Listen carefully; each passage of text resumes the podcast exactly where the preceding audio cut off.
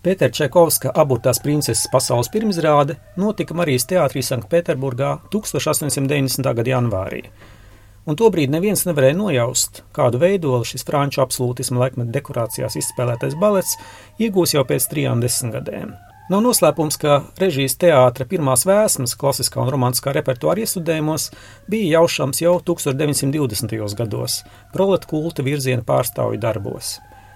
Īpaši izcēlās Ļeņingradas monumentālā teātra darbnīca, Masķerskāja monumentāļnava teātra jeb Mamonta, kuru vadīja Nikolais Vinogrādovs. Skatītājs viņš aplaimoja ar versiju, kurā prinča Dezirē loma tika pielīdzināta proletariāta sacelšanās vadonim, bet princese Aurora valdzināja savu izredzēto kā zaļā revolūcija, proti tika pārsaukts par revolūcijas ausmu. Jaunās spējas karabosas vietā savukārt bija skatāms vispasaules hercogs, kas simbolizēja kapitāla kundzību.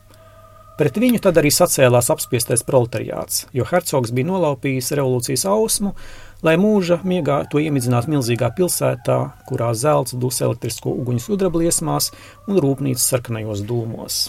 Centienos glābt vispasaules hercoga nevainīgo upuri, proletariāta vadonis ierodas pilsētā. Te viņam izdodas uzspridzināt kapliču, no kuras ar sarkano karogu rokās triumfējot iznāk sprādzienu pamodinātā revolūcijas ausma – lai ar savu klātbūtni iedvesmot proletariātu vadoni viņu turpmāko cīņu gaitās. Šarla Pero pasakā Aburtā princese, kas pirmoreiz tika publicēta Merkūra Galan 1696. gada februāra numurā, nekas tāds, protams, nav lasāms.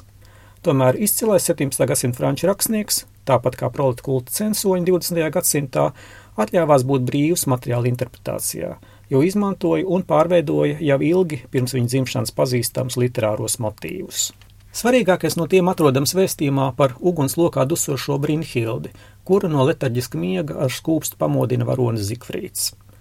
Pero pasaku akadēmiskajā izdevumā atrodams komentārs, ka 17. gadsimta Francijā joprojām turpināja lasīt 14. gadsimtā sacerēto bruņinieku romānu Perseforests, kurā ietverts vēstījums arī par Zelandīnu un Troilu. Lūk, īsts kopsavilkums. Zelandīnas pirkstā iedūrusies aburta šķēmba, kas viņai liek gadiem ilgi dusēt nemaņā. Uzklīdušajam trojlam skaistā Zelandīna ļoti iepatīkas. Nedomājot par noziedzīgās rīcības sekām, viņš ļaujas primitīvam dabas aicinājumam. Tad uzvelk Zelandīnas pirkstā grezenu un dodas savās tālākajās gaitās. Pēc deviņiem mēnešiem vēl aizvien aizmigušajai Zelandīnai piedzimst bērns, kurš grib ēst, bet nevar atrast mātes krūti. Lai kaut cik apmānītu izsalkumu, bērns sāk zīžļāt Zelandīnas pirkstu un izsūc no tā aburto šķēmbu, kas varonai beidzot ļauj pamosties. Viņa konstatē, ka vairs nav jaunava, un, protams, arī to, ka viņai piedzimis pēcnācējs. Atšķirībā no 14. gadsimta romāna, 17. gadsimta nogalē publicētajā pero pasakā viss risinājās daudz pieklājīgāk. Princis ar atmodušos princesi runāja četras stundas. Tad, citēju, pēc vakariņām netērējot laiku, priesteris viņus salauzāja kapelā, un galvenā frēlēna aizvilka gultas aizkaru.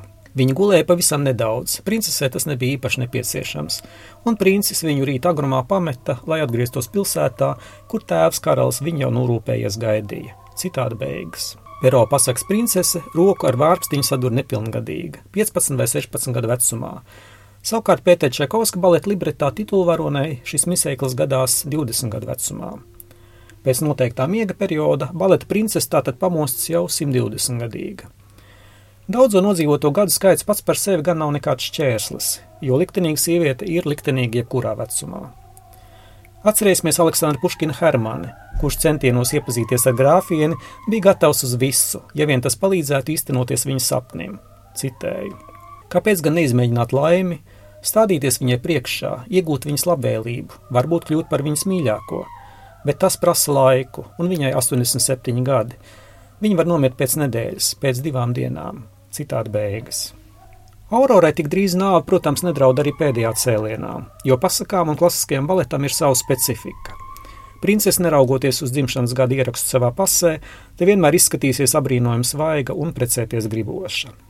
Ņemot vērā apstākli, ka Pero abortās princeses latviešu tulkojumā nav ievietot franču oriģināla noslēgumā lasāmā morāla jeb pamācība, atļaušos to nocitēt šeit. Gaidīt kādu laiku, lai dabūtu vīru, kurš būtu bagāts, drošsirdīgs, piemīlīgs un maigs, ir visai dabīgi. Tomēr gaidīt veselu simtgadi, nepārtraukti dusot, vairs nav iespējams atrast sievieti, kas gulētu tik mierīgi. Citāta beigas. Iespējams, ka vienas vienīgas princeses meklējumi vairs neietilpst mūsdienu prinču dienas kārtībā, kuru ietekmē sociālo tīklu un iepazīšanās portāla daudzveidīgais piedāvājums. Pavisam droši, ka tas nozīmē apusēju problēmu, jo arī princesē tagad ir daudz lielāks iespējas visu uzmanību nekoncentrēt uz princi dezirē, jeb iekāroto.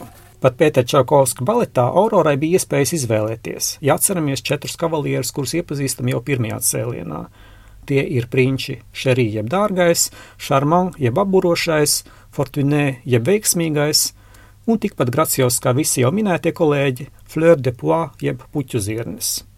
Jebkurā gadījumā nevienam šeit un šobrīd nav par vēlu mīlēt, un vēl jau vairāk lasīt skaistas pasakas vai iepazīt aburtās princeses meistarīgo partitūru.